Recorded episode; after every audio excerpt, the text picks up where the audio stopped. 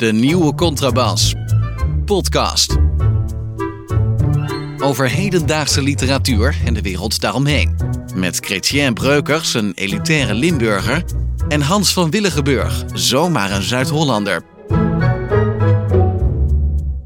Welkom bij de 99e aflevering van de nieuwe Contrabas podcast. Dit is een speciale uitzending, want wij gaan, en ik heb dat volgens mij ooit zelf gedoopt, de Libris Open, alsof het een tennistoernooi is, maar dat is het natuurlijk niet. Maar uh, we hebben dat vorig jaar, uh, ik dacht met, mag ik zeggen, met veel succes georganiseerd. Dus heel goed beluisterd.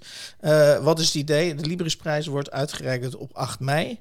Uh, en dan uh, komt er opeens zomaar een boek naar boven waarvan de jury dan kennelijk meent dat dat het beste boek is. En ons leek het altijd leuk om de wereld daarachter, namelijk dat juryoordeel uh, niet na, in, nou, ja, in zekere zin na te spelen. Uh, uh, en natuurlijk met zo deskundig mogelijke mensen. De grote uitdaging van deze speciale uitzending wordt overigens om de afwezigheid van Chrétien Breukers te compenseren. Dat, we zouden dus kortom wel eens kunnen afkoersen, gelet op de huidige samenstelling van de jury, op een iets mildere versie van, van de jury zoals we die vorig jaar met Chrétien hadden. Maar we gaan er tegenaan. Uh, kortom, uh, het, het, het, streven boven de, uh, boven de pui is dat we transparantie nastreven. En dat gaan we vandaag proberen te doen met die zes genomineerde boeken. de Libris Open 2023. En we gaan dat doen met Jonica Smeets, die vorig jaar ook de, de, deze uitzending heeft gedaan, zou ik bijna zeggen. Ik kan heel veel over haar vertellen, maar ze heeft net zelf aan mij verteld dat ze al 14 jaar columnist voor de Volkskrant is. Dus ja, nou dan dat behoeft volgens mij ver, verder geen nadere introductie. En uh, naast haar zit Marika Kebrusek.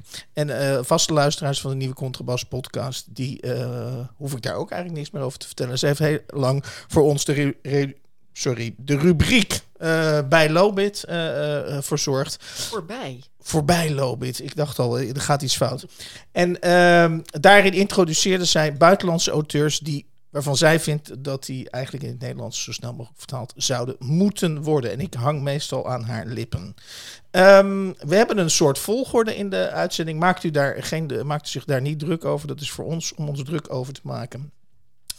Uh, wat mij betreft gaan we beginnen. Er is nog, uh, Jonica, uh, er is een soort voorzitterschap. Of, of moeten we dat. oh, dat was, oh de, besluit was dat ik de voorzitter zou zijn. Dus ik ga een beetje de tijd proberen te verdelen. Uh, nou, dan, uh, wat mij betreft gaan we in één keer door naar het eerste boek. Uh, ik kijk Marika aan. Nee, wil je niet eerst een rondje doen over de oh, algemene ja? Je, je hebt helemaal gelijk. De... Ik heb toch niet goed naar, naar mijn draaiboek gekeken. Ik wil te snel al naar die boeken. Uh, we gaan eerst inderdaad een algemene indruk geven van de zes boeken. Jonica. Ja, um, nou ja, er zat veel in over klimaat. Er zaten veel boeken in die nogal sterk leunen op een constructie. En ik moet zeggen dat ik eigenlijk het een. Uh, er werd wat gemopperd in de media over dat het een lichte lijst was. Um, ik vond het eigenlijk wel een aangename lijst zo bij elkaar. Ik uh, vond het een, een prettig zestal. Oké. Okay. Ja, ik sluit me daar ten dele bij aan. Um, ik sluit me daar zeker bij aan uh, ten aanzien van thema's als klimaat, die bij minstens de helft van de genomineerden terug. Uh, dat thema komt uh, terug. Um, ook inderdaad die constructie. Um, en je zou daar nog een te kunnen toevoegen: constructie met ook het denken over schrijvers en wat schrijverschap en literatuur is. Ik vond het um, heel prettig om deze boeken allemaal te mogen lezen, maar ik vond het niet allemaal uiteindelijk een uh, evenwichtige verdeling um, in kwaliteit. Maar okay. daar komen we nog wel op terug. Ik wou net zeggen, komen we daar nog op terug of, uh, of oké? Okay. Um, ja, wat mij opvalt, maar daar hebben we het vorig jaar ook over gehad. Hè, je zou, tenminste, ik als, ja, misschien heeft het met mijn man zijn te maken, de, de, zes beste boeken, tenminste, zo kijk ik er naar, of kijken andere mensen soms ook naar, naar, oh, dit zijn kennelijk de zes boeken van een bepaald jaar.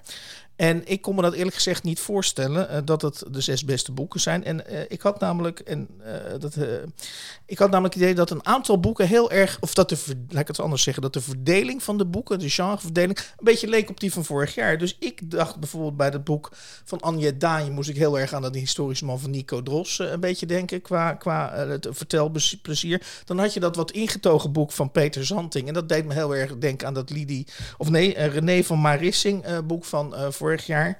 En dan had, we, had ik nog een uh, boek, even kijken. Ja, Donald Niedekker. Uh, waarachtige beschrijvingen uit de permafrost. Dat vond ik eigenlijk uh, qua experiment en qua avontuur... vond ik dat weer heel erg lijken op dat Marieke Heidman Wormmaan uh, van vorig jaar. Dus het lijkt wel alsof er een soort... ik weet niet of dat zo is, het is een suggestie... maar er een soort een beetje van dit, een beetje van dat, beetje zus, beetje zo... waardoor je dus volgens mij niet de zes beste boeken krijgt... maar je krijgt een bepaald soort verdeling, ook vanuit het idee waarschijnlijk... maar Jonica, jij hebt meer ervaring in juries. We mogen niets missen. Ja, weet niet. Want ook als je dan gaat denken... Ik zat ook te denken, wat heb je nou heel erg gemist op deze lijst? Dat valt ook wel weer mee. Dat bedoel ik. Eh, dus, dus alles, hè, alle genres, alles. Nee, maar ik bedoel, wat heb je gemist? Zijn er titels van vorig jaar waar je dacht, nou, dat dat er niet bij zat, dat is toch raar? Oké, ja, ja, ja, ja, ja. Nee, dat zou ik ook niet zo 1, 2, 3 kunnen, kunnen produceren. Oké, uh, dan, dan is het volgens mij het moment aangebroken dat we met het eerste, eerste boek uh, gaan beginnen. Jonica. Ja, dat is tussentijds van Peter Zanting. Uh, de samenvatting is dat Robin, een ehm, man van, ik denk, eind 20, begin 30, per trein naar zijn vriendin Tess reist, die in Zuid-Duitsland een boekpresentatie geeft.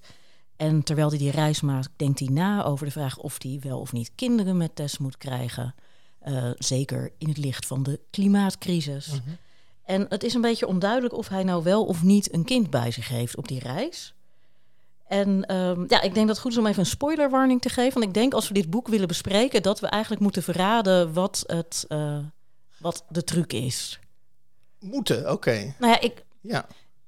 Tenminste, als ik mijn mening erover wil geven, moet ik dat wel doen. Ja, ja, ja, ja. oké. Okay. Nou, ja, mijn, mijn, mijn uh, zegen heb je. Ja, dus um, het is een beetje gek. Dus nou ja, soms, hij begint dat hij die reis met een kind van twee maakt. En even later is een hoofdstuk dat hij iemand helpt met koffers uitstappen. En je denkt, waar is dat kind dan? Dat kan toch helemaal niet? Nog even later vraagt iemand aan hem van, goh, heb je zelf kinderen? En eerst denk je van, misschien zijn dit mogelijke toekomstscenario's. Maar aan het eind van het boek blijkt dat het twee treinreizen zijn met een paar jaar ertussen. En op die eerste heeft hij nog geen kinderen. En gaat hij eigenlijk naar haar toe om te zeggen, laten we het wel doen. En dan daarna gaat hij terug. En Um, ik vond dat dus eigenlijk dat dat het boek heel goed maakt. Want ik dacht aan het begin vaak van... God, het is wel een beetje zaaiig en heel veel geneuzel. Um, en door dan dat je later beseft dat het bijvoorbeeld wel en niet is... Um, ja, dat maakt het dan dat ding een andere lading. Dus op een gegeven moment doet zij een zwangerschapstest... En dan zegt ze, nou ja, ik weet het al. Dan denk je, nou leuk, ze krijgen een kind. Maar dan besef je later, wacht even, dat was het hoofdstuk zonder kinderen. Um, dat was helemaal geen feestelijk moment. Dus um, nou ja, dat heel kort. Ja, ja, ja. ja. Uh, ik had zelf, alvorens we Marika loslaten op Peter Santing, ik had zelf bij dit boek, uh, had ik heel erg uh, het gevoel dat er, en ik, waarom ik dat gevoel heb, dat weet ik zelf ook niet, maar ik had het gevoel dat er een marketeer, die is er waarschijnlijk niet geweest, die heeft tegen Peter Santing gezegd: schrijf een invoelende doelgroeproman over dertigers met een actueel maatschappelijk thema, een vleugje humor en veel levensechtheid. Een soort uh, chat GTP-opdracht maak je er nu van. Uh, en toen las ik daarna ook nog dat Peter Santing voor de weekendkrant van de NRC schreef. En denk, nou ja, dat, dat, dat is bijna, bijna te mooi om waar te zijn. Dus met andere woorden, jij noemde het, Jonica, een beetje zijig. Um, dat vond ik zelf ook. Ik, ik dacht, oh, dit, dit, gaat, dit, dit kabbelt zo een beetje verder. Waarom, hè? Dan, komt op een gegeven moment de vraag op waarom is dit genomineerd. Maar ik, uh, uh, oh, jij hebt dan die spoiler zogenaamd weggegeven. Maar ik moet wel toegeven, dat ben ik dus helemaal met je eens, is dat het boek naarmate het vordert beter uh, wordt. En dat het naar het einde toe ja, boven zichzelf uitstijgt. Dat, dat, dat, dat klinkt zo heel gezwollen. Maar om even aan te geven waarom ik die Peter Santing toch wel, ja, waarom ik er toch waardering voor heb. Dat klinkt wat cerebraal, waardering hebben voor. Oké, sorry. Uh, maar dan heeft hij bijvoorbeeld, zit hij in die trein en dan, en dan zit hij dus met dat kind. Uh, uh, en dan zegt hij dus op pagina 44, en dat vind ik echt heel subtiel. Dan ben ik echt, en dat vind ik wel knap, dat als een schrijver mij jaloers kan maken, vind ik wel een criterium. Dan zegt hij op pagina 44. Ik til de donkerpaarse koffer uit het rek en ga haar voor richting het balkon. En hij helpt dan een dame die zwanger is, en dat is die haar. We gaan tussen de lege stoelen, stoel, stoelen door. En nu komt hij net iets sneller op Duisburg af dan de rest van de passagiers. Ja, dan denk ik, dat, is, dat vind ik, dat, vind ik, ja, dat, dat, lees ik nog even drie keer over. Dus uh, uh, dat, daar vind ik Peter Santing heel erg goed in. En tot slot, en dan mag Marika los op dit boek. Er zitten wat mij betreft ook wel goede dialogen in dit, in dit boek. En op pagina 167 noteer ik dan het volgende. Tess, zeg ik, hoe gaat het met je? Tess is dus de vrouwelijke hoofdpersonage. Tess, zeg ik, hoe gaat het met je? Ik ben moe, zegt ze nog eens. En dan vraag ik, op welke manier ben je moe? Op veel manieren. Moe op een manier die morgen over kan zijn. En moe op een manier die niet meer overgaat. Dat vind ik wel uh, heel mooi, uh, mooi gezegd. Dus met andere woorden, mijn, mijn oordeel is, ik, ik word er niet laaiend enthousiast van. Ik vind het dus eigenlijk, het leest bijna als een doelgroepenroman met een doelgroepenprobleem. maar ja, als je er dan toch eens schrijft, dan heeft Peter Santing dat best aardig gedaan. Ja, een doelgroeproman. Zo heb ik het niet gelezen. En ik heb het. Um, ik, ik kan er nooit zo goed tegen in een roman als de constructie uh, van die roman duidelijk ook uit de manier waarop die uh, auteur schrijft, de auteur zeer pleziert. He, zoals wat ik wel eens bij studenten doe, of bij als ik uh, andere stukken lees, dat je ziet dat iemand zichzelf heel blij is over zichzelf, over deze geweldige vondst, dan teken ik altijd een smiley in de marge. En dat was dus niet positief bedoeld. Nou, dat vind ik hier niet. Ik vind het heel, wat Jonica ook zegt, het is heel onnadrukkelijk. Ik moet ook zeggen dat ik dit boek toch wel uh, bij, de, bij de helft van de boeken schaar, uh, schaar die ik nog heel eng woord vind je dat misschien, maar die ik echt mooi vond. Um, door dat soort observaties, hè, met dat inderdaad, dat gevoel dat je um, iets sneller bij het doel bent. Ook omdat, en dat is een thema wat uh, behalve klimaat ook een rol speelt in veel van deze boeken, het gaat ook over tijd. En het gaat over tijd die je kunt inhalen, tijd die je door eraan te denken of erover te denken um, weer, kunt, weer kunt beleven waar mogelijke andere, uh, er zijn nog andere romans waar we bij komen, waar het gaat over levens die misschien niet meer geleefd worden, maar die op een andere manier geleefd worden. En ook daar gaat dit boek over. Dus nog meer dan klimaat, Jonica, toen ik over deze boeken nadacht, dacht ik, deze boeken gaan misschien over klimaat, wat speelt, um, uh, actueel is, hè, uh-huh. doelgroep.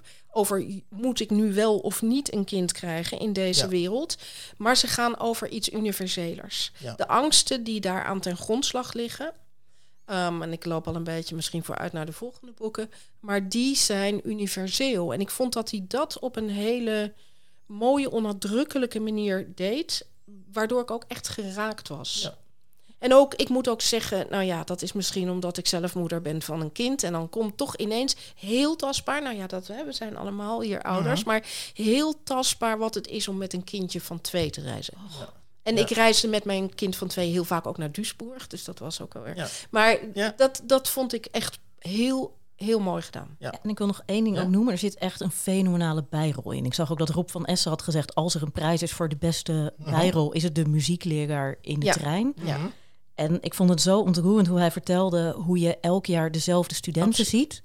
En dat je dan ziet dat iemand het jaar daarvoor is afgehaakt... en dat je dan het jaar daarna een nieuwe kans krijgt... om het opnieuw te proberen. En Mhm. nou, ik vond het werkelijk Ja. prachtig. En dat schuift ook weer met die tijd. Hè? Dus die leraar, en dat weten wij misschien ook wel een beetje als docenten, Jonica, dat je, je ziet jonge mensen, eh, studenten, zoals die muziekleraar dat ook ziet. En je ziet ze natuurlijk dezelfde fouten maken, of je ziet ze beslissingen nemen. En je denkt daarbij ook, hoe kan ik die beslissing, als het ware, hoe kan ik dat leven ombuigen? Ja.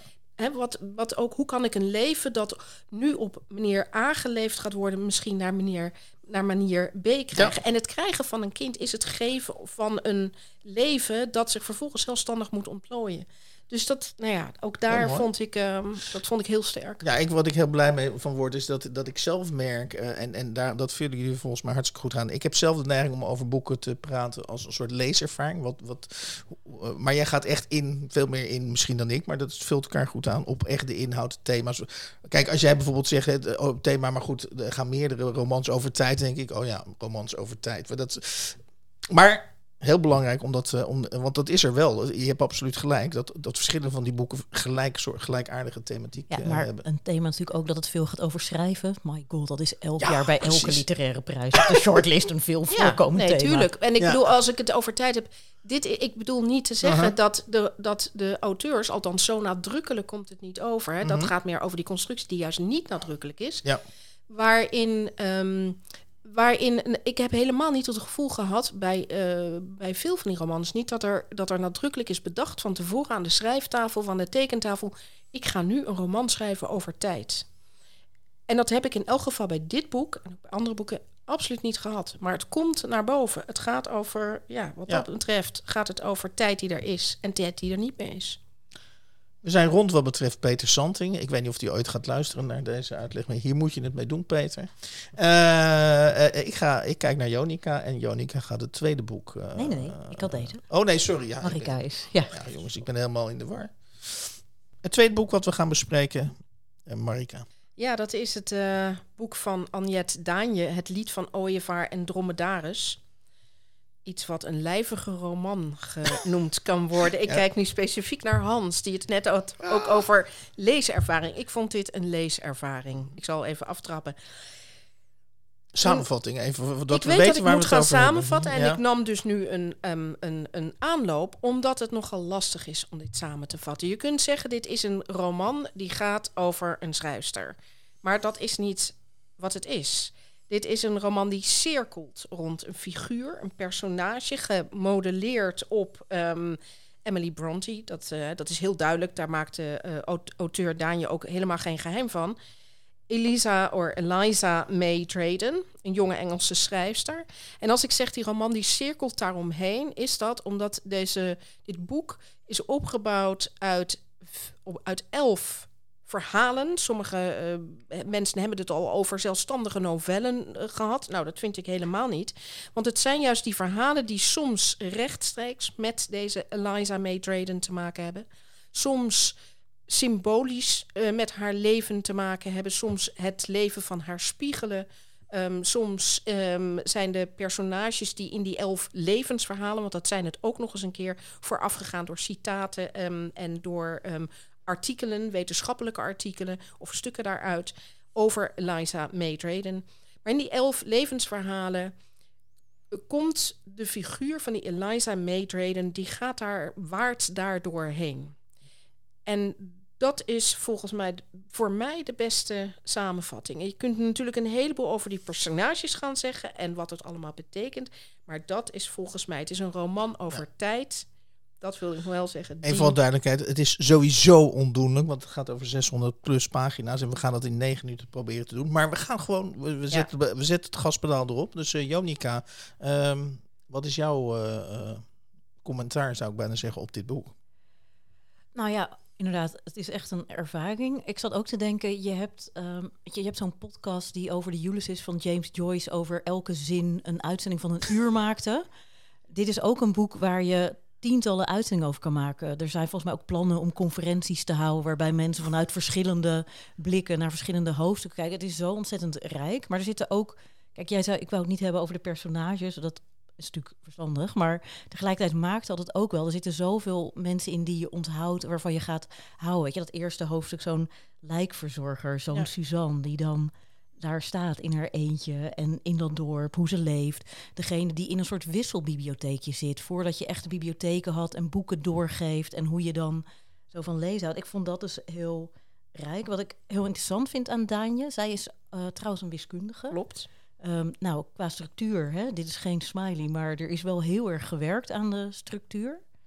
Ehm, ik vind het heel interessant aan haar als schrijfster dat elk boek van haar totaal anders is. Dit is onvergelijkbaar met De Herinnerde Soldaat. Ik had vorig jaar ook Suikerbeest gelezen, wat weer heel anders is. Dus dat vind ik heel knap. Ehm, eigenlijk het enige nadeel wat ik erbij kon noemen is dat het mij meer in mijn hoofd raakte dan in mijn hart. Oh, dat had ik totaal niet. Ik heb werkelijk, sorry dat ik hier, eh, ehm, maar het is mijn boek, hè? Ja, Eh, ja, ja, ik heb het ja. gekregen. Ik heb, Ik doe zo nog een voetnootje. ja, wat mag Hans? Nee, ik heb lang, het is lang geleden dat ik hardop door eh, echt moest huilen, dat de tranen over mijn wangen stroomden. En dat heb ik twee of drie keer in het boek gehad in de verschillende verhalen. Ik vond het ongelooflijk ontroerend soms, ehm, eh, zonder dat het sentimenteel is. Het is, ja, ik ben, Heb jij broers en zussen?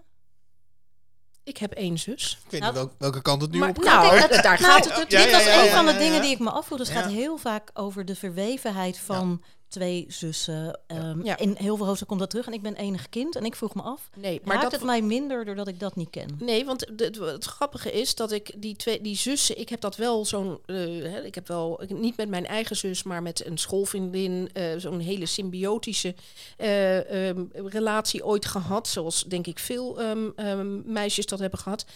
Maar het ging, die, die tranen kwamen bijvoorbeeld bij het hoofdstuk dat, van, dat gaat over de man en zijn wat oudere vrouw, de pianiste. Ja. Die tranen kwamen bij op het moment dat hij haar verliest en haar probeert terug te krijgen.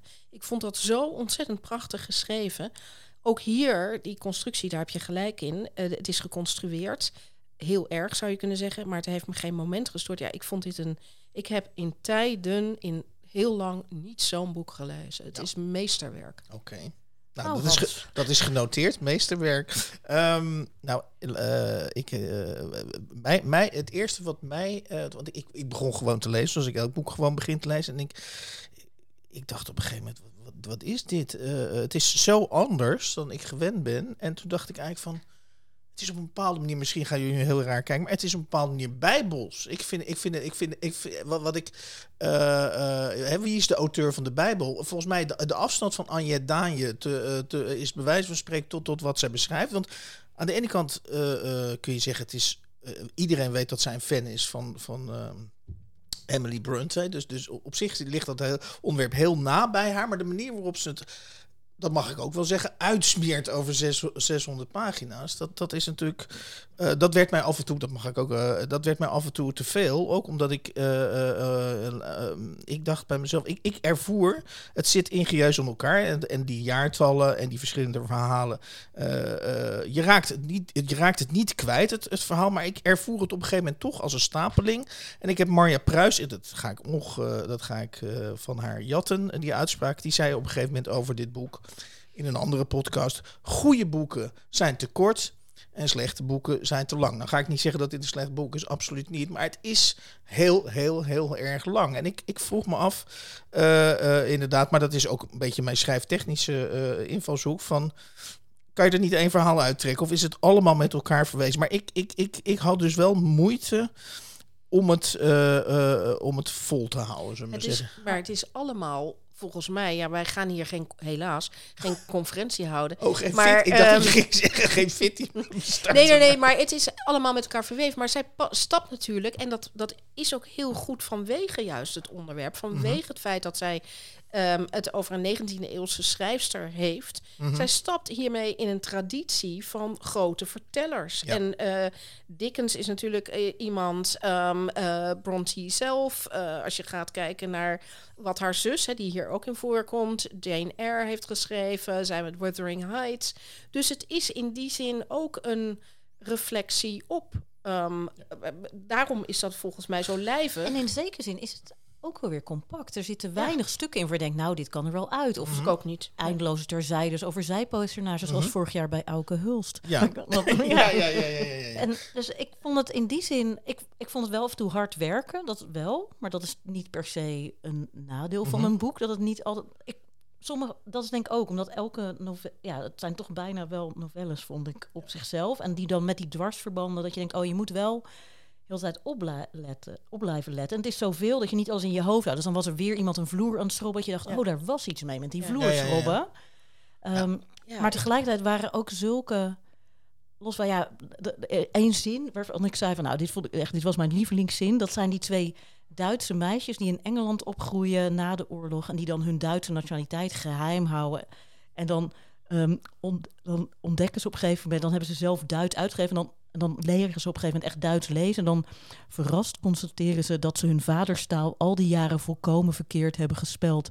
Wunderlich schreven ze als Wounderlich. Ja, ja, Nou, dat is ja, toch ja. geweldig. Ja, ja, ja, ja. Nou, volgens mij zijn we het er alle drie over eens. Niet dat we hier een poldermodel hanteren, da- da- dat zeker niet. Maar ik had ook het idee dat dit een, een boek is, en daar zijn jullie het volgens mij wel mee eens, dat het een soort buitencategorie boek is. Dit is, dit is gewoon een, een, en wat ik zeg, het is, het is een schepping, uh, heb ik het idee. Terwijl andere zou je bijna kunnen zeggen dat dat zijn tussen aanhalingstekens gewone boeken. Dit is wat mij betreft een, een soort schepping. En als de Librisprijs, maar ik weet niet welke criteria de Librisprijs dat weten, dat komen we natuurlijk nooit echt te weten vaak. Maar als je nou bij wijze van de eeuwigheidswaarde, hè, uh, waar, waar literatuur ooit over ging, tegenwoordig gaat het daar geloof ik niet meer om, maar als je nou je afvraagt uh, van welk boek blijft nou het langst, nou dan is het, dan is het wat mij betreft geen enkele contest, want dit boek gaat, dit gaat van alle, uh, van alle zes genomineerde boeken natuurlijk het langst mee. De, maar dan kunnen we ook nu stoppen, zijn we lekker snel klaar.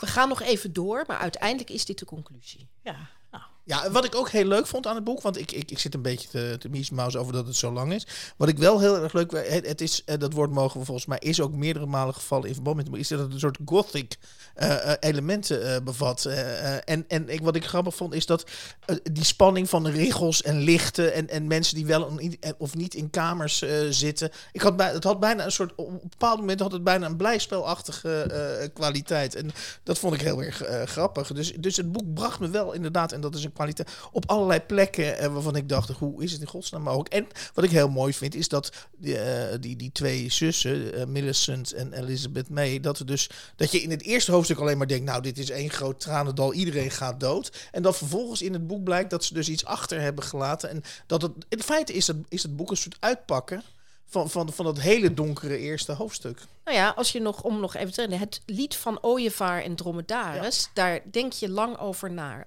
Nou, waarom heet dat boek zo?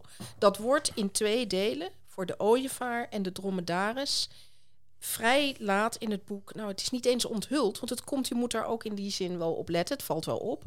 En dan heb je ook de sleutelbegrippen in handen die, zonder dat ik nou iets verraad, maar gaan over eeuwigheid, tijd, het voortleven op andere manieren, afscheid nemen, verbondenheid, isolatie, eenzaamheid. Ja. Dus het gaat ook echt over grote thema's. Zeker. Zonder dat dat geconstrueerd, nu gaan we ja. een roman met een hoofdletter over grote thema's met hoofdletters. En ik heb, nou ja, ik heb het, ik heb mij, ik heb achter elkaar doorgedenderd. Ja. Ik vond het geweldig, maar dat had ik al gezegd. Dan gaan we naar het derde boek. En uh, ik vertrouw mezelf dus niet bij het samenvatten. Ik, ik, ik ga er meestal als een uh, woesteling in, in zo'n podcast. Van het komt wel goed. maar bij het samenvatten dacht ik, nee, dat moet ik toch even voorbereiden. Dus ik, ik ga keurig even mijn telefoon erbij pakken. En dan ga ik. We, we, hebben het over de, het boek Overal zit mens van Yves Petrie. Yves Petrie is bij mijn weten uh, heeft volgens mij al de voorloper of deze Librisprijs al een keer gewonnen met de maagd uh, Marino. Uh, en hij heeft nu een boek geschreven met die prachtige titel Overal zit mens. En misschien verklap ik nu iets, maar toen ik het boek uit had, dacht ik, hij heeft een woord vergeten. Er moet namelijk voor staan, helaas, overal zit mens. Goed, uh, dit Overal zit mens is een ideeënroman over twee mannen... waarvan de een zich geen raad weet met het leven, Casper Kind... en de andere, Max de man, zich ogenschijnlijk in datzelfde leven... als een vis in het water voelt. De romanticus versus de pragmaticus. Ik zeg ogenschijnlijk, want Casper, de romanticus, is de protagonist... die bijna voortdurend aan het woord is. En zijn veronderstelde vijand, Max dus al filosoferend tot monsterlijke proporties oppompt met het doel voldoende energie bijeen te sprokkelen om hem te vermoorden. Wat vonden we dit? Oh ja, nu moet ik gelijk. Ja, wat. wat, wat um... Kan ik even Max de Man en Casper Kind. Daar, nou, daar zou ik echt een smiley bij in de nou, kantlijn zetten. Ongelooflijk. We gaan hier een Elkerleak schrijven, heeft meneer bedacht. In de geest had hij trouwens twee personages die Jeroen Ullings en Mark Oostermans heten, naar de recensenten Jeroen Ullings en Mark Kloostermans. Ja, dan ben ik dan haak ik al af. Ja, dan haak ik af. Oké. Okay. goed, ik heb uh, gezegd in de inleiding dat het een ideeënroman is. En dat geeft een beetje aan dat het ook, en dat is het ook een beetje, een schematische uh, roman is. Aan de ene kant hebben we dus Casper Kind, een dolende ziel, een romanticus. En aan de andere kant Max de Man, de gladde humanist die weet hoe zich in het leven te bewegen. Um, ik vond dit boek. Um, ik heb het wel met plezier gelezen. En waarom heb ik het met plezier gelezen? Omdat ik zie wel dat hij in zekere zin, uh, je zou kunnen zeggen als je uh, kritisch bent, twee karikaturen van, van menstypen neerzet. Maar hij, ik vind wel dat als je, dan, als je dan besloten hebt om twee karakters neer te zetten, dan gaat hij wel all the way. Hij, hij houdt niet halverwege in. En, eh, eh, en, dat, en dat gaat ook wel gepaard met, vind ik, eh, veel zwarte humor. Die bij mij wel in vruchtbare aarde viel. Ehm, ehm, en om even aan te geven, heb ik ook een citaat erbij. Wat, wat ik wel mooi. Goed, jullie vinden. Ik, wat ik, ik voel al een hele. Van de andere kant voel ik al iets komen van dit, dit boek.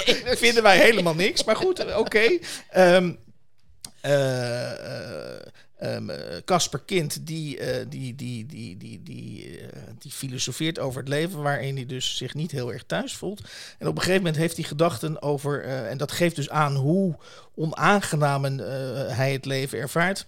Eh, pagina 132, eh, om even aan, het aan te geven, dan mogen de dames los op, op dit boek. Eh, toch kwam achteraf wel vaker de gedachte bij me op dat er aan seks iets ontbrak. En dan vind ik dit, dit zinnetje, vind ik, ja, daar moet ik toch heel erg om lachen. En dat gaat over seks. Welk idee zit erachter? Met een vraag trekken. Met andere woorden, hij vindt dat er achter seks een idee moet zitten. Fantastisch. Dat was de vraag. Er is nog steeds, en, eh, en is nog steeds de vraag. Maar ik verwacht niet daar ooit nog een bevredigend antwoord op te krijgen. Nou goed, eh, ik, ik ben, dat heeft u wel door, een beetje gevoelig voor deze, deze, deze, dit personage. Ik heb het idee dat eh, aan de overkant dat dat wat minder geval is. Eh, wie, wie wil eh, over dit boek eh, los? ik? Ja, ja, ik zat te twijfelen. Ik heb een good cop en een bad cop citaat. Dus laat, ga jij eerst, dan kijk ik wat er nodig is. Dat lijkt me heel verstandig. Nou, bij mij is het al duidelijk. Ehm, Hans voelde de energie al over tafel gaan. Ja, ik vond het verschrikkelijk. Ik vond het verschrikkelijk. Ehm, ik vind het bedacht, geconstrueerd. Soms ook gewoon ik, saai. Ehm, ik vond, ik heb geen, ik zie wel dat het als zwarte humor bedoeld is. En dat bedoel ik niet pedant, Mhm. maar ik heb dat in elk geval, ik heb geen enkele keer gelachen.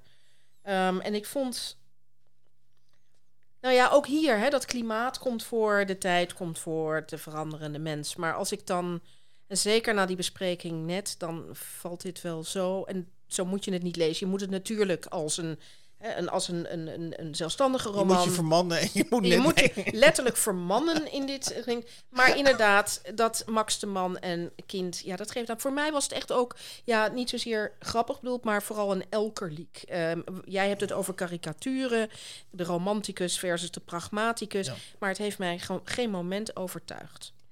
Ik moet ook zeggen, ik vond Mhm. de geesten namelijk best wel goed destijds. Maar ik zat me hier ook heel erg te erg aan ook bepaalde dialogen. En op een gegeven moment dan eh, is Casper Kind bij eh Celine, eh, een meisje van 16 op bezoek. En dan gaat het erover in wat voor soort vakje zij past. Het gaat over een pride.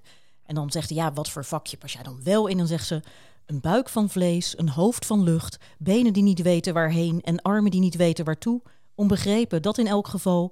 Maar wat dan nog? Ik ben 16. Mag het leven nog een raadsel zijn? Ja, kom op zeg. Ja, Heb je ooit een 16-jarige zo horen praten? Ja. Maar goed, zal ik ook mijn good cop dan nog één ding wat ik echt wel Nou, geestig ga maar vond? los. We hebben nog wel tijd over bij dit Ja. boek. Anders dan... eh, Nee, wat ik wel ge- geestig vond, eh, op een gegeven moment beschrijven ze dan dat eh, Max en Casper toen ze jong waren en een relatie hadden, dat dan Casper in de typemachine van Max een vel papier ziet, eh, ziet met gestypte tekst. Dan zegt hij nou, wat ik las sloeg al na een paar zinnen de grond onder mijn voeten weg. Dat uiterst sensibele proza, het emotionele lef, de onvertuigingskracht en het originele karakter van zijn zelfbespiegelingen. Mijn vriend bleek niks minder dan een pres- introspectief genie te zijn. En dan gaat hij daar helemaal over door. En dat hij denkt, hoe kan zo iemand met mij bevriend zijn? En dan blijkt dat Max Rielke zat over te typen. Nou, dat dat vond ik dan toch weer- wel een beetje geestig. ja, ook daar, ja. Ja. Wat ik ook zo hinderlijk vond, is dat hij dan ja, doe dat nog Ja, even. sorry. Ja, ja maar goed, dat hij dan juist. bijvoorbeeld zegt een zekere M. Heidegger uit. Nou, dan echt. Mhm. Nou, Ja, dat wou ik nog oké, even zeggen oké. als een citaat, maar Ja, ook... eh, Dat vind je van onvoldoende respect voor nee, Heidegger? absoluut niet. Maar het is, het is grappig bedoeld. Nee, ik- en ja. wat mij daaraan ergert is, het is grappig bedoeld. Eh, de, het is een soort eh, knipogen naar... Maar dan denk ik, nou, als je die namen wil noemen... Ja, weet je... Mhm. Het heeft niet met respect te maken dat ik denk... oh, Heidegger moet je op die manier... Maar hij doet het een paar keer. Het is als grappig bedoeld, maar hij slaat met zijn humor voor mij... helemaal de plank mis. Ik zie... Dus wat jullie betreft is, als ik het goed begrijp, want ik, ik probeer eventjes eh, nog even een puntje, een puntjes op te zetten. Dit is het eerste Nee. boek wat, wat- waarvan jullie niet begrijpen, eh, als ik het goed heb, dat het genomineerd is. Nou, voor mij staat het op nummer... eh, op de helemaal onder op de stapel. Dus ja... ik weet niet wat, wat er voor parels... eh, Mhm. Ik heb niet de hele longlist gelezen natuurlijk. Nou ja, eh, nogmaals, niet, niet dat ik eh, me als verdediger van dit boek ga, ga opwerpen. Het enige wat ik wel weet, is dat Yves Petrie een hartstochtelijk bewonderaar is van Thomas Bernhard. En dat hij zegt, ik wil het subjectivisme Mhm. terugbrengen in de literatuur. Dus ik wil, ik wil zeg maar, mijn gevoelens over... Dat, dat, dat vond ik, zeg maar, als je het hebt ten opzichte van Daanje, da- wat Daanje dus vind ik bijna te weinig heeft, heeft I- P3 dan weer veel te, misschien weer veel te veel. Namelijk dat hij in, al, in elke zin laat doorschemeren hoe hij zelf als auteur tegenover die personages eh, staat. En ik vind dat, ik merk zelf dat ik in die zin misschien een, een ik weet niet of het atypisch is, of misschien wel een populistische lezer. Dat zou ook, misschien is dat wel een goede omschrijving. Ik vind het wel fijn eh, als, als, als, als de stem van de auteur eh, doorklinkt over hoe hij eh, eh, over zijn personages denkt. Maar ik ben het met Daar jullie heb ik geen enkel bezwaar tegen. Maar, maar het zou ben het leuk wel zijn met- als de personages Maar- dan Ja. Leven. Ja. Ja, oké. ja, ze zijn, want ik, dat, dat lied, woord liet ik in het begin ook vallen. Het is wel inderdaad een vrij schematische eh, roman. Dus, kunnen jullie daarin vinden? Ja. maar Ja. waarom wil Maar je... mag ik kijk, me zo aan. Nou, dat vind ik nog te lief hoor, dat schematische. Je weet hoe streng ik kan zijn. Oké, oké. Ja. Eh, dus de Yves Petrie, misschien ga je die prijs wel winnen, maar eh, bij ons althans eh, heb ik, geef ik je weinig kans. Het vierde boek. Ja, dat is Peter Terrin met De Gebeurtenis. De samenvatting is dat het een eh, roman is in losse verhalen. Het zijn verhalen die steeds de naam van een personage hebben. Ehm, het begint en eindigt bij Juliette. En dat is de assistente van een overleden schrijver.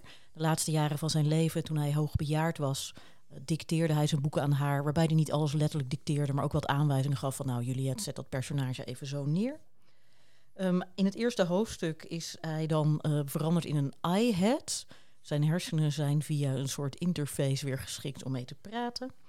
Eh Weduwe is daar boos over.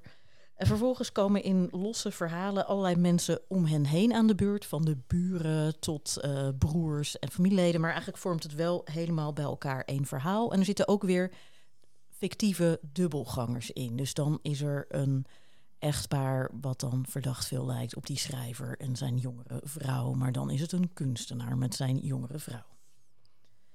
Ja, zal ik ook maar gelijk doorgaan. Ja. Ehm, op zich vond ik elk verhaal los best wel aardig. Ik dacht, want dit was volgens mij een van de dingen waar een discussie was: is het een verhalenbundel of een roman? Als het een verhalenbundel was geweest, had ik hem denk ik beter gevonden dan als een roman. Ehm, er zit heel veel Drosten-Escher-effecten in. Dus niet alleen Drosten, maar ook nog dat het een soort verdraait. En bijvoorbeeld op een gegeven moment leest iemand in een, hoofd, in een hoofdstuk dus een roman... die eerst dan door zijn geliefde was geleend bij de bibliotheek... en die heeft hij dan ook. En in die roman gaat het dan over het actrice in een toneelstuk... waarbij hij dan weer die geliefde had ontmoet. dacht ik, ja, jongens, dat, dat was wel een beetje veel van het goede. Eh, ik, ik neem de beurt, mag Marika zo. Ik heb het idee dat Marika het helemaal gaat afmaken. Ik ben slechts een tussenfase. eh. Ehm, eh, eh, dit was het boek wat mij me, verweg het meeste ergernis oproep, opriep. Omdat eh, ik, ik heb dan de onhebbelijke neiging, mogen jullie me helemaal om, om afknuppelen. Namelijk dan, net zoals bij oh ja, van Peter Sant. Dit vond ik dus weer NRC. NRC-proza met NRC-mensen. allemaal. en ja, dat vind ik ook per definitie zijn, want die mensen hebben allemaal keurige levens. Doen nooit Nou, die Koert leek me toch meer een telegraafman. Oké, noteert u even mee, Koert, Telegraafman. Maar ehm, ehm, ik moest heel denken aan een, een hele auteur die ik heel erg bewonder, Jean-Philippe Toussaint, die ook over hele deftige mensen schrijft en eh, over niet, eh, waar misschien niet zoveel gebeurt. Maar die dat zo goed doet dat je zelf allerlei eh, dingen erbij gaat denken. En, en wat ik echt niet kon hebben bij deze Peter Terrin, is dat hij allerlei zinnetjes overal door het hele boek ja, hij vertrouwt jou als lezer niet. Hij gaat het voor je uitleggen. Dus dan zegt hij bijvoorbeeld op pagina 55... Femke was jaloers dat Juliette een kant van Willem te zien kreeg die voor haar verborgen bleef. Ze voelde zich buitengesloten van de intimiteit in zijn werkkamer. Dan dacht ik echt, nou, dit is dus dit is bijna Nederlandse cinema. Hè? Dus, dus met andere woorden, eh, eh, met, eh, je wordt niet vertrouwd met wat je ziet of met, met de tekst. Nee, de auteur die gaat, het nog, die gaat het nog even voor je uitleggen. Dat vond ik zo ontzettend irritant. Pagina 57, hij vraagt, kennen we elkaar ooit? Oh ja, hij vraagt: kennen we elkaar ooit? Het is Juliette duidelijk dat hij aan Femke denkt. Ze weet hoe breekbaar, let op, ze weet hoe breekbaar hun relatie is. Ik, ik, zou dan denken van, ga een roman schrijven over een breekbare relatie. Maar als je al in één zin zegt dat die relatie breekbaar is, ja, dan, het, is, dat is een beetje FIFA-proza waar die uh, hierin afdaalt, wat mij betreft. Dus, dus met andere woorden, ehm, eh, ik, ik heb het idee dat de dames tegenover mij met, met, met Yves Petrie de bodem hadden bereikt. Maar die bodem, die zag ik heel erg, had ik heel erg bij Peter Terrin. Nou, ik had een citaat op pagina 58, dus we zaten elkaar wel. Nee, ik had er ook weer op 58. Ja, nou, dat is helemaal nou goed. Uh, op, uh, als ik daarmee mag beginnen, het is onmogelijk, maar misschien had jij dat ook, uh, Jonica. Het is onmogelijk ja. om een consistent, rechtlijnig verloop van oorzaak-gevolg in een verhaal op te bouwen. Op zijn best is dat een benadering van onze ervaring.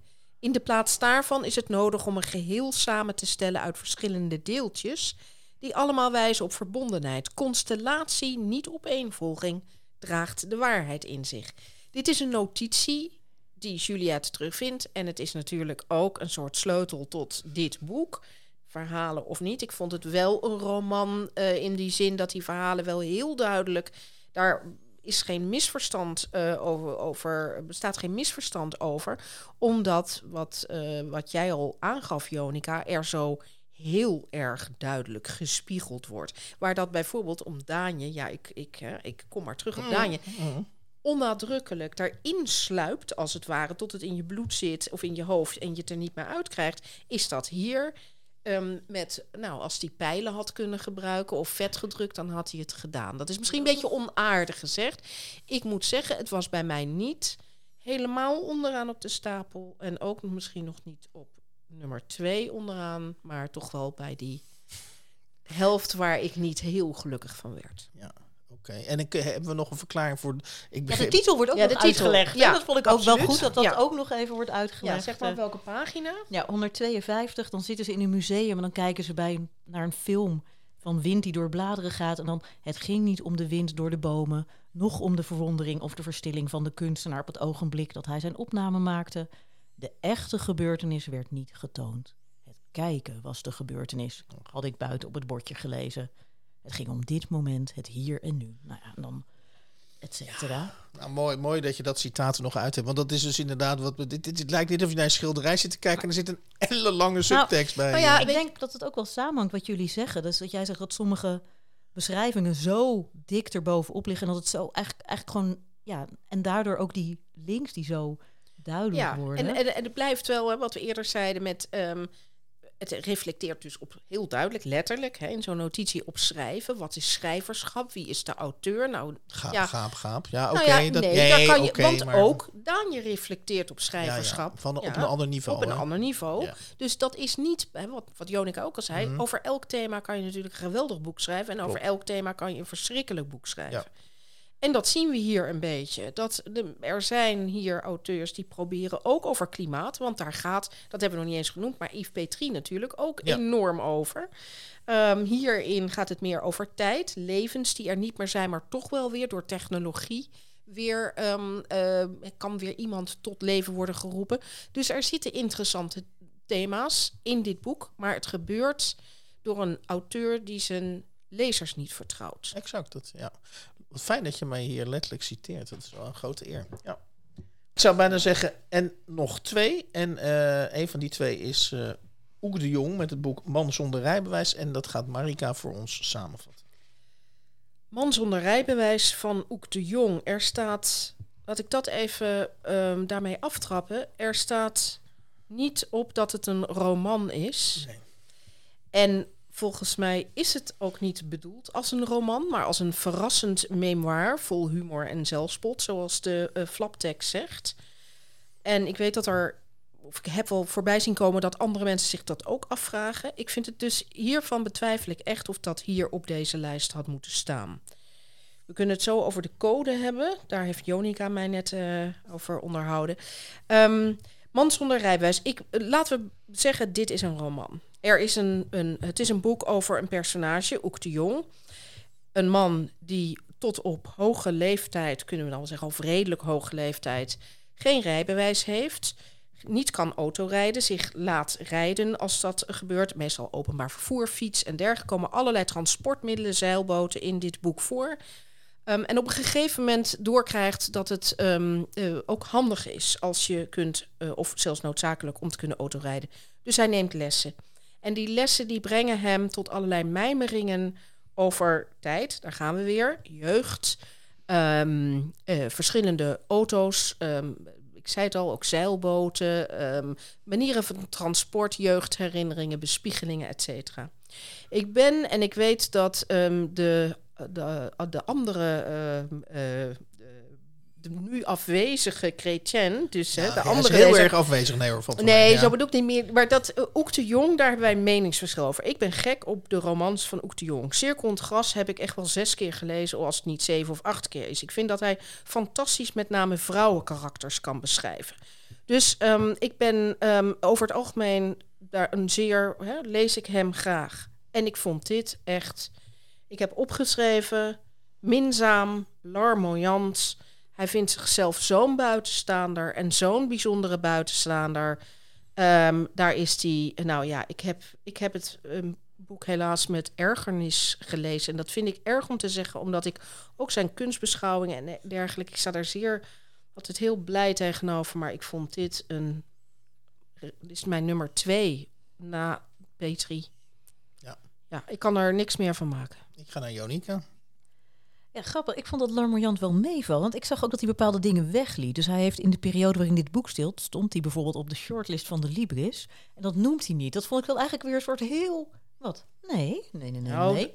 Hij zegt op bladzijde 150, ik heb het opgezocht. Ja, Dan zegt dan dat zijn eh, vrouw dat alles zo goed gaat. En dan zegt ze, als je dit ook nog was gelukt, was je naast je schoenen gaan lopen. Dan is die gezakt voor zijn eh, theorie, was het geloof ik.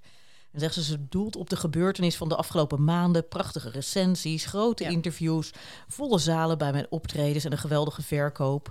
En nu dit. Maar dan noemt hij toch niet de shortlist. Dat vond ik best wel sympathiek eigenlijk. Ik dacht, nou, valt nog Ja. best mee. Nou, dat is oké. Dus, dus, dus, en, en had je nog, nou, ja, had je nog meer? Of, of, Nou, of- ik zag er, de- ja, even de, eh, voor de liefhebbers, de neurcode, waaronder een boek is uitgegeven. Toen, ehm, ik, toen ik in de Libris-jury zat, was er een heel strenge secretaris. En die zei, kijk, als de uitgever het onder een code uitbrengt die niet een roman is, dan is het geen roman. En dan doet hij niet mee.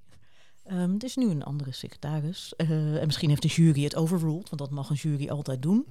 Ehm, maar inderdaad, Maar hij doet onder de verkeerde neurcode mee. Daar komt het op neer. ja, nee, kijk, wat het lastig natuurlijk is, het is heel moeilijk te definiëren wat een roman is. Als de uitgever hier voorop zet roman en het uitgeeft als roman, Ja. dan ben je toch een soort gedwongen om het als een roman te doen. Ik bedoel, autofictie, het is allemaal zo vaag. Maar ja, als je het zelf onder een code uitgeeft die zegt het is geen roman, ja, ehm, dan, dan niet. Ja, ik moet zeggen, ik zag er eigenlijk een beetje tegenop door die titel en eh, door de opzet. Maar ik vond het dus eigenlijk best wel, eh, best wel goed. Ik vond dus die essayistische bespiegelingen tussendoor over kunst heel aardig. Ik vond de, ook bijvoorbeeld het verstrijken van het beeld van je ouders. Hoe je als je jong bent bepaalde dingen ziet. En hoe als je ouder bent daarin verandert. Ook naar hoe je naar die relatie van hen kijkt. Ehm, ja, ik vond het dus eigenlijk best wel prima. Ik vond het ook mooi geschreven. Ook een klein dingetje. Be- is- best wel prima is natuurlijk, dat, dat is natuurlijk ook bijna een doodskust, hè? Voor, voor zo'n boek, of niet? Nou ja, kijk, ik vond het geen. eh, nou ja, ik zou het dus sowieso niet hebben meegerekend, omdat het geen roman Nee, is. Nee. Ehm, nee, ik- ja, oké, best wel prima. Is misschien wat flauw, maar ik vond het heel. Ja, ik heb het eigenlijk wel gewoon echt. eh, Ja. Ik vond het eigenlijk wel Ja. aangenaam en. Ja. Ik zit, ik zit zelf, maar dat merk je nu, hè? Ik zit nu zelf even op hete kolen. Nee, ik, ik, ik, eh, ik, ik heb een paar dingen over dit boek. We weten allemaal van Oek de Jong dat hij natuurlijk... eh, dat moet je eigenlijk uitschakelen als je zo'n boek leest. Maar goed, dat kan ik niet helemaal. Ik schaam me er ook niet voor. Kijk, Oek de Jong komt uit Zeeland. En dat, dat, dat, dat, speelt natuurlijk ook boek. eh, wordt hij een paar keer naar verwezen. En hij is gereformeerd. En, en het hele punt is dat dit ook zo'n ongelooflijk gereformeerd boek is. Hij, hij, hij, wil ons laten weten dat hij eigenlijk een heel. Ja, eh, van. Kijk eens, ik leid een heel gewoon bestaan. Ik doe eigenlijk nooit. Ik spring nooit uit de band. Maar kijk mij nou eens. Hè, hoe, hoe zoiets eenvoudigs als het halen van een rijbewijs. Hoe, hoe, hoe, hoe bijzonder dat eigenlijk is. En om. eh, eh, dat begon mij dus, dat, werkte dus eh, eh, agressie bij me op. Op een gegeven moment komt hij dan inderdaad, dan rijdt hij door Nieuw-West, heet geloof ik die wijk. En, dan, en, en toen, toen verloor hij mij wel echt. Want ik zie wel, ik, ik zie wel dat hij, dat hij het mooi opschrijft. Maar dan komt hij in Nieuw-West en dan gaat hij die straten en een beetje van die geschiedenis van die straten en die wijken. En dan denk je, oek, oek, nog, nog één stap en je gaat per huis. Ga je me, ga je me uitleggen, ga je beschrijven eh, wat er allemaal, kom op, weet je wel. En ik heb het vreemde genoeg, of, of het de dubieuze genoeg gehad om hem ooit een keer te interviewen. En toen dacht ik halverwege het interview, dat mag eigenlijk geen rol spelen. Maar goed, ik, misschien, ik, ik stap hier even uit mijn rol als objectief, uh, of niet objectief, uh, beoordelaar. Ik dacht, ik zit gewoon een, een postzegelverzamelaar zit ik, uh, te interviewen. Maar goed, uh, ik heb een docu ooit gezien over Oek de Jong... waarin hij zin voor zin met zijn uh, redactrice Tilly Hermans... door zo'n boek heen gaat. Maar het moet allemaal helemaal kloppen. En het grappige is, toen ik dit las, dacht ik... ja, dit heeft hij ook weer met Tilly Hermans zin voor zin... heeft hij dit allemaal dichtgetimmerd... Maar het levert uiteindelijk, ja, uh, ik vind het, ik, ik vind, het heeft iets sympathieks. Maar ik heb ook de, uh, de, de gereformeerdheid van het slot, kon ik, kon ik niet laten liggen. Namelijk de slotzin, het geluk om hier, in de geparkeerde auto zeg ik even bij, het geluk om hier met haar te zijn. En dan in deze alledaagsheid. Oh ja, vreselijk.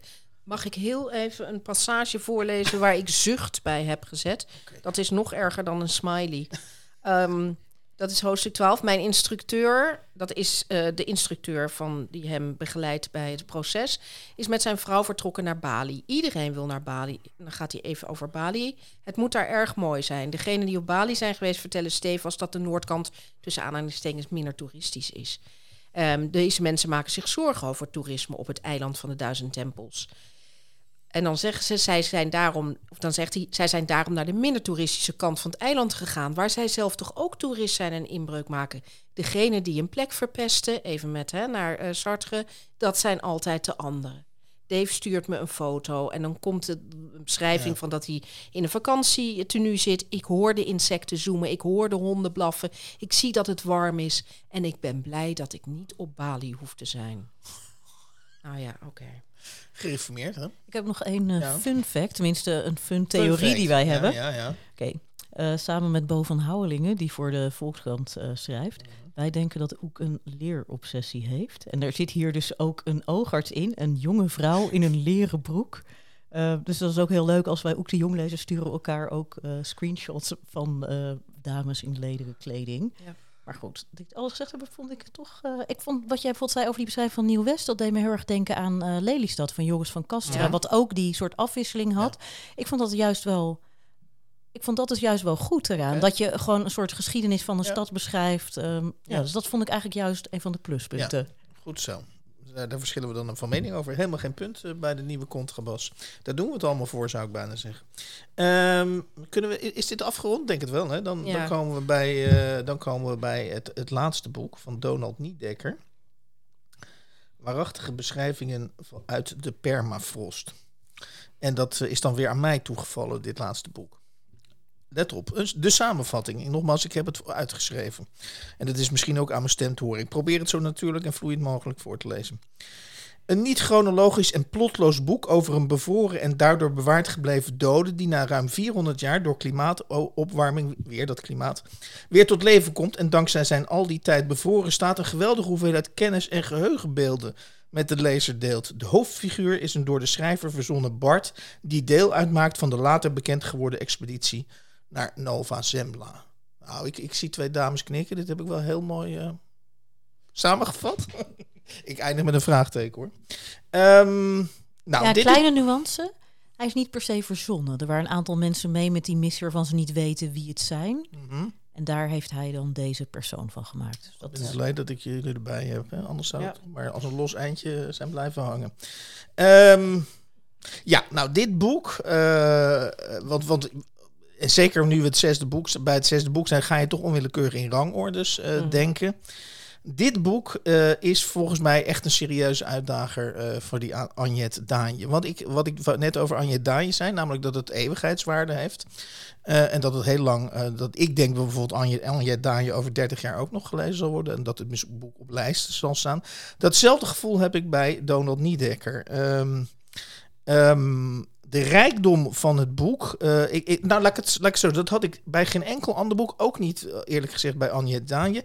Bij dit boek had ik om de zoveel tijd. Streep, streep, streep, streep, streep. Citaat, citaat. Oh, wat mooi gezegd. Oh, wat weer. Wat een rijkdom uh, in, in één enkele alinea. En nou, ik, om even een indruk te geven. En dan laat ik de dames op dit boek los. Pagina 79. Uh, nogmaals, uh, de verteller is dus een, een, een, een wakkere, uh, wakker geworden dode in feite. We leven in een landschap van, dit vind ik zo mooi geschreven, of zo mooi in zijn, ja, ook in, zijn, in alles eigenlijk. We leven in een landschap van dromen.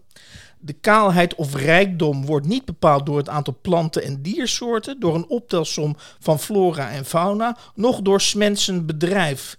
Het zijn de met het land verbonden dromen, herinneringen, verhalen, sprookjes die het zijn intensiteit en sprankeling verlenen. Ja. Uh, en dan zegt hij even en, en, uh, later, en dat vind ik ook heel gecondenseerd, uh, deze dode, ja, die, die ontdooit dus. En die is dus letterlijk 400 jaar, heeft hij in die permafrost vastgezeten.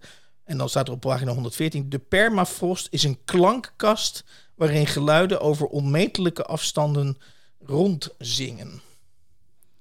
Ja, mag ja. kijk je naar mij? Ik vond het, um, nou ja, ik heb dit boek um, met een zekere beroepsdeformatie gelezen, omdat dit precies de tijd is en ook de figuren zijn waar ik mij beroepshalve mee bezig hou. Dus Plantius, uh, Nova Zembla. Niet, ik hou me niet per se met Nova Zembla bezig, hoewel ik dat scheepsjournaal heb gelezen. En ook de boeken, dus veel boeken die hij heeft gebruikt, die zitten als uh, vakliteratuur. Denk ik, oh, hij heeft dit gelezen, hij heeft dat gelezen. Mhm. Maar dat zou een enorm nadeel kunnen zijn. Ik vind het een prachtig poëtisch um, boek. Ik ben het helemaal met jou eens. Als er één, nou ja, een ander, een concurrent, een kaper op de kust, om even in zijn uh, tijd te blijven, um, is, dan is het dit boek voor mij betreft. Het begint al bij de titel, hè, waarachtige beschrijvingen. Dat is de manier waarop al die scheepsjournalen, überhaupt al het nieuws altijd begint. Dit is een waarachtige beschrijving.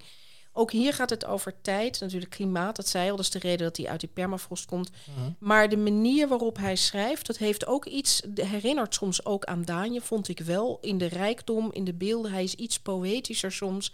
Maar die zinnen die maar doorgaan, als je mij toestaat, wil ik een stukje voorlezen waar ik ook weer erg door ontroerd was. Mhm. Ik heb ook heel veel citaten, maar dat is zijn vader die is ook verdwenen. Zijn vader is ooit uh, op reis gegaan als, reis, als handelaar en komt, is ook in de permafrost uh, verdwenen. Als je, dan zegt hij, en ik lees het even achter elkaar door... Op een avond toen ik leunend tegen de mast naar de sterren keek... amper zichtbaar in de witte nacht en aan het veilige Amsterdam dacht... de oude brug, de timmerwerkplaatsen, de boekhandels, de sociëteit... het huis waarin ik weer was gaan wonen toen moeder vlak na mijn zwerversjaren overleed... Het huis met de trappen, tegelvloeren, de keuken in het souterrain. De marktvrouw op de dam, de spartelende vissen die uit tonnen in bakken werden gekieperd. De gepochelde Petrus in die nacht, waarin de avondschemering onmerkbaar, alsof er geen nacht was, die was er ook niet, overging in de ochtendschemering en wolken hoog in de lucht iriserend oplichten. De zeilen hingen slap, zag ik plotseling vader voor me. Niet in mijn herinnering, maar op het dek in zijn bontjas, met energieke trekken in zijn gezicht dat vol was van avonturen in een Fins of Poolsbos en bezegelde contracten. Hier is er ook in, in het Finse bos, de Poolse, uh, het Poolse mhm. bos. Er zijn heel veel een ei in een ei in een ei. Hij gebruikt zelf ook dat beeld van dat wonderei dat zijn vader laat zien als zo'n Russische matroeska. Dat kan je voor, voor verhalen zien. Je kunt het voor leven zien, voor tijd. Dat beeld komt heel vaak terug zonder opnieuw dat het dat je denkt, oh, daar hebben we dat ei weer. Het is zo mooi en poëtisch geschreven. Ik was diep onder de indruk. En ook waarop hij niet een historische roman heeft geschreven uiteindelijk. Ja, hierbij kwam heel erg kijken wat ik ehm, geleerd heb in de loop der jaren. Dat er boeken zijn die ontzettend goed zijn, maar niet voor jou. Mhm. Dus hierbij dacht ik, ik vind dit duidelijk. Weet je, het is een heel goed boek. Ik ging ook voor mezelf opschrijven van ja, waarom staat het bij mij niet op één en ook niet op twee? En ik kon eigenlijk heel weinig bedenken wat er mis mee is. Ik vind de zinnen prachtig. Ik vind de beelden mooi, de taal. Het is een volkomen eigen stem. Maar ik had denk ik liever die historische roman gelezen over hetzelfde. Denk ik. Dat, dus dat vond ik er een soort. Je denkt, wat, wat is het dat het ik, had bijvoorbeeld ook, ik heb ook wel citaten die ik heel goed vond. Ik moest hierbij ook even aan de, aan de contrabas denken. Bijvoorbeeld, er staat er op een gegeven moment... Zo gaat dat met kort aangebonden types. Het één moment zitten ze te lezen. Het volgende ontsteken ze in woede. Het derde moment pakken ze hun koffer. Dat is natuurlijk een heerlijk in één zin wat voor mensen het zijn. Ehm, dus ik vond er heel veel heel goed aan. Inderdaad, ook er zitten heel veel verwijzingen in. Uh, de, het, ook de rijkheid aan vormen. Dat inderdaad soms hoofdstukken eigenlijk vier zinnen als een gedicht zijn. Ehm, en toch, eh, ja, vond ik het echt. Ja, had het met, want, want dat vond ik, ik het zo, wat ik juist mooi vond aan deze, is dat je als leed dat hij volgens mij, ik weet niet of, of hij dat actief doet, maar hij desoriënteert je in de zin van, hij geeft ook verschillende malen aan waar ben je in het verhaal en, en, en, en, en, dat je dat niet weet. En, en juist dat je dat niet weet en steeds opnieuw moet ontdekken of veroveren, uh, daarvan vind dat ben ik met je eens. Dat, dat is iets, dat is een vrij abstracte misschien exercitie. Maar ik vond dat, uh, ik, ik hou dus heel erg van dat soort boeken waarin je zelf, of waarin heel, heel erg dat onverwachte uh, zit. en even nog even op terug op Anje Daanje komen. Die, die doet het wat klassieker. Hè? Die zegt toch van tevoren, het is ingebed in, in, in een bepaald wetenschappelijk discours over de biografie van die, van die zusjes. En dit is dus, en dat spreekt me eigenlijk juist heel erg aan, nog veel vrijer vrijer. Ik, ik, heb, ik had Wat jij echt... zei, plotloos. Plotloos, precies. Ja, dat is, dat is ook zo. Maar ik moet wel, dat, dat wil ik dan toch toevoegen, ook door wat Jonica nu zegt. Het, het is heel mooi, je ziet het. Het, het raakt me wel in, nogmaals, ook omdat ik vind dat hij de, de, de geuren bijna van die tijd oproept. Maar het raakte me niet in mijn ziel, om het maar zo te noemen. Mhm, heeft mhm. misschien geen ziel. Misschien heeft dat ook wel, is dat ook wel een, een bedoeling ervan. Maar dat maakt Daanje voor mij toch sterker als we al een beetje naar rangorde toe gaan. Inderdaad. Daar zit wel heel duidelijk een ziel in. Dat gaat voor mij over, over ja, nu klink ik bijna Reviaans, menselijke thema's. Mhm. hè? en en dat, dat neemt mij, ja, dat vind ik dingen waar we allemaal mee te maken hebben. Of net als Santing, hè, met dat jongetje, we weten wat het is om ouders te zijn. En dat ontbreekt hier. Nou, wat ik het idee kreeg, wat, wat ik op een gegeven moment dacht, volgens mij is dit eigenlijk het grote thema in die zin dat het erover gaat dat hun missie zo beroemd is geworden omdat die mislukte. Ja. En dat, Mhm. dat is dus wat herinnerd wordt, terwijl als ze wel gewoon China hadden bereikt, dat niemand meer die hele missie had onthouden. Maar dat, ja, van mij had dat er dan best wel meer verhalend ingemogen. Ik heb dat, eh, dat, dat wat jij nu noemt, eh, heb ik, dat citaat heb ik voor me. En dat eh, zal ik bij deze misschien zelfs als uittro van dit boek even voorlezen. Pagina 140. Je kunt heldhaftig zijn in totale mislukking. Terwijl succes vaak gladjes overkomt. Keurig, een beetje saai. Leuk om tijdgenoten, de salonfiguren van de geschiedenis, mee op, op te winden, maar zelden bestand tegen het oordeel van latere generaties. Alle triomfen en succesverhalen lijken op elkaar. De fiasco's en debakels zijn stuk voor stuk unieke stories. Maar dat wisten we al van die Rus, Turgenev of hoe heet die, Dostoevsky. Nee, Pushkin ook niet. Wel twee lettergrepen, Gogol, ja, Gogol. Ehm, en, en terwijl ik het voorlees, denk ik, ja, misschien inderdaad, eh, als ik dan, dat laat ik me hier live overtuigen. eh, eh, misschien is het wel zo, moet ik tot mijn leedwezen bekennen, dat ook hier Donald Niedekker af en toe toch de neiging heeft, net als Peter Terrin, de lezer niet helemaal te vertrouwen en dan dit soort, Ja. dan dit soort, dan dit soort uitleg te geven. Ja, Ja. het grappige is dat hij niet de goede schrijver noemt. Dus dat is dan toch wel weer best geestig. Ja. Jawel, maar dat, dat is, ik vond, had dit citaat ook. Ehm, al- en dat is een van de zwakkere citaten. Mhm. Daar vind ik het dan toch weer, om dat woord maar te gebruiken, te gekunsteld. Kijk, we weten dat deze man, en dat, dat, dat komt naar boven drijven, bijna letterlijk, dat hij ook in verschillende lagen zit. Om, hij wordt als het ware door shamanen tot leven geroepen, en of wat dat nou voor shamanen zijn. Maar die lagen waar hij die tijdreis die hij maakt in zijn ontdooiing, daar kan je bijna letterlijk ont Mhm. ontdoding in lezen. Ehm, die, eh, dat betekent ook dat hij inderdaad weet dat er Russische auteurs zijn en, en et cetera. Daar vond ik het wel wat gekunsteld Ja. worden. En ik heb- vond bij dit citaat ook dat einde, denk ik, ja, dat vind ik nou flauw. Ja, oké. vond zijn dialogen overigens ook niet zo sterk. Nee. Komt er veel dialoog in voor? Nou, daar komen bijvoorbeeld met die grootmoeder wel, maar er zitten een paar dialogen in waarvan ik dacht, nou, die vind Ja. ik wat kunstmatig. En misschien heb ik hier nog een citaat voor twee. En dan poog ik daarmee af te ronden. Pagina 207. En misschien is dit wel een. Weet ik niet hoor. Maar eh, eh, ik zit over tegen de kritische dames. Eh, pagina 207. Volgens mij het bijna de kern van dit boek. Van misschien dat mensen nu zeggen. Ja, leuk dat jullie allemaal gedacht hebben over het boek van Donald Niedekker. Maar waar gaat het nou precies over? Nou, dat is dus heel wel heel moeilijk aan te geven. Maar let op.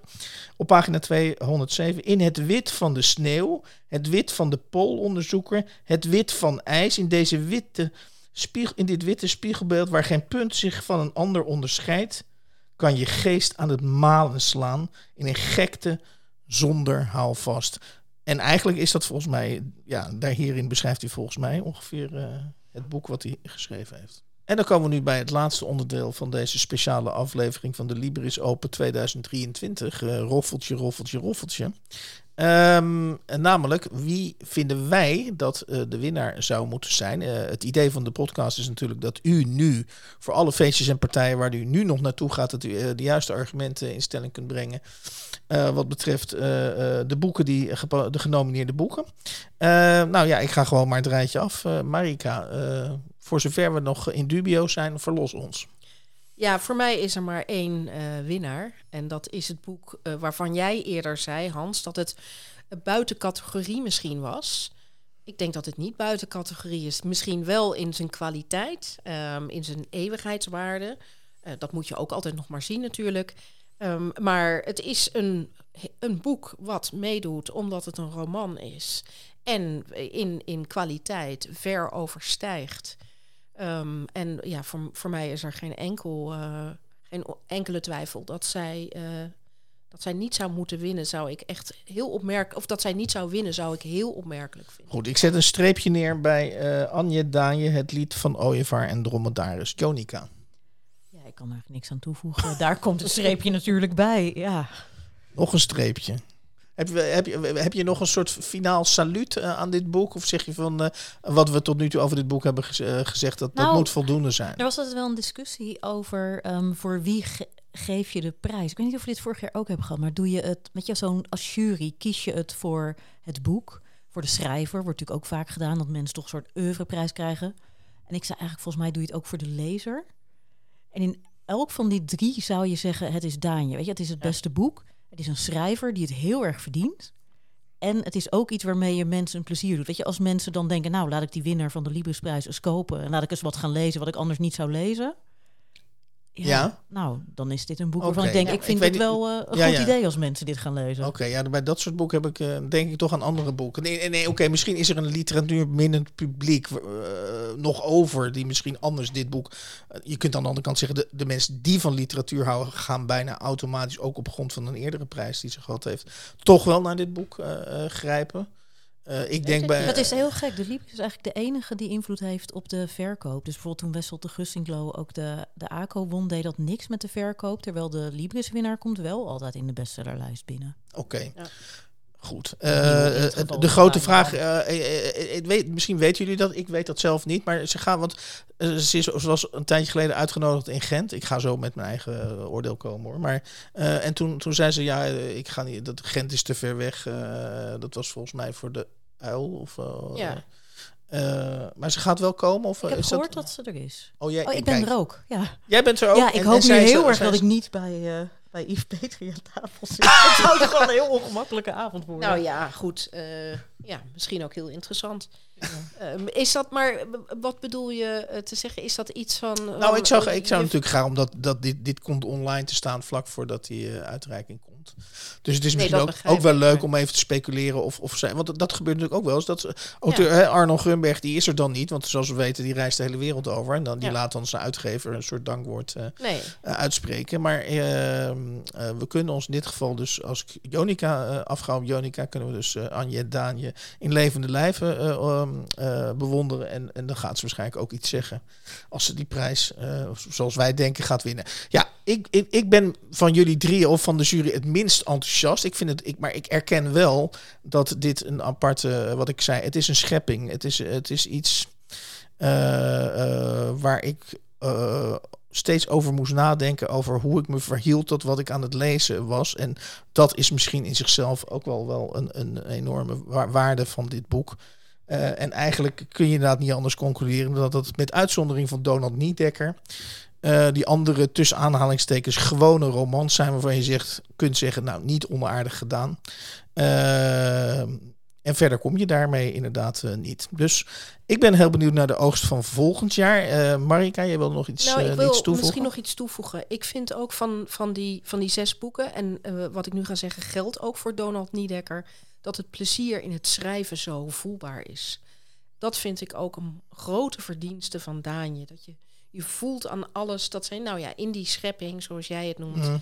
um, dat ze daar een ontzettend plezier aan heeft beleefd. Dat, dat spat er voor mij ook wel van af. Ja. En ehm, nou, nog een argument daarbij. Nog wel wat mij betreft, wat, me- ik weet niet wat jullie daarvan vinden, wat, dat, dat ik dacht van dat ter, een beetje terloopse schrijven. Dus, iemand die niet nadrukkelijk, eh, maar misschien een beetje voor zich uitschrijft, of in ieder geval wat onnadrukkelijker schrijft. Want eh, kijk, Oek de Jong, daarvan kun je zeggen. eh, nou, die behandelt best, dat, hè, dat, zoals hij zelf ook het woord gebruikt, alledaagsheid in dat boek. Maar je ziet er zo aan af dat hij op elk van die zinnetjes heeft, is hij inderdaad met Tilly Hermans eroverheen gegaan. Waardoor het, waardoor het heel afgevlakt eh, eh, wordt en, en heel erg in een soort schapje eh, past. En ik zou zo graag weer eens een schrijver, en dat is dan misschien een outcry voor volgend jaar. Ik zou weer graag een schrijver willen hebben die misschien op een meer parlando-toon improviserend schrijft en durft een beetje voor zich uit te praten en niet in die steeds in van die constructies te denken. Word jij er ook warm van of Jonica of zeg je nee, dat is nou precies niet wat ik van de literatuur wil? Ja, van mij mag het allemaal, als het maar een goed boek is. Nee, ik zat te denken dat wat ik bij Daniel interessant vond... dat ik nog als advocaat van de duivel probeerde slechte zinnen te vinden. En dan zou je denken, nou, in een boek van meer dan 600 bladzijden... moet je vast genoeg voorbeelden kunnen vinden. Ik kon er geen vinden waarvan... En het is vaak zo makkelijk, hè, om een boek wat verder goed is... door twee zinnetjes eruit te halen, af te serveren. Bij haar lukt het niet. Dus dat zou ik zeggen, nog een argument. Vind ik een hele mooie, misschien vind ik een hele mooie observatie, moet ik toegeven. Ja, dat klopt namelijk wel wat je zegt. Inderdaad. en ze kan heel veel, hè? Dus, want ze heeft, ik weet heb, ik heb suikerbeest van haar gelezen. Dat was echt totaal Ja, anders, krankzinnig. Dus misschien moet zij dat Parlando-boek hierna gewoon eens gaan doen. Mag ze meer dan een Anje jaar... Daanje, eh, als je dit hebt beluisterd, eh, speciaal verzoek van Hans.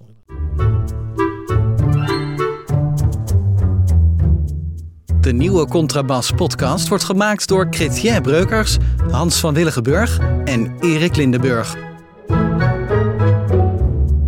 Kijk jij ook elke week uit naar de nieuwe Contrabas podcast? Voeg dan de daad bij het woord en word officieel supporter. Dat kan al vanaf 1 euro per week, oftewel 52 euro per jaar. Draag je ons een heel warm hart toe, dan kun je ook Golden Supporter worden voor 104 euro en Platinum Supporter voor 208 euro per jaar. En wat krijg je daarvoor terug? Dan luister je met nog meer plezier naar ons uitgesproken geluid wekelijks over literatuur. En wat je ook geeft, ga naar gofundme.denieuwecontrabas.blog. Nog één keer? gofundme.denieuwecontrabas.blog. Hup, hup, hup.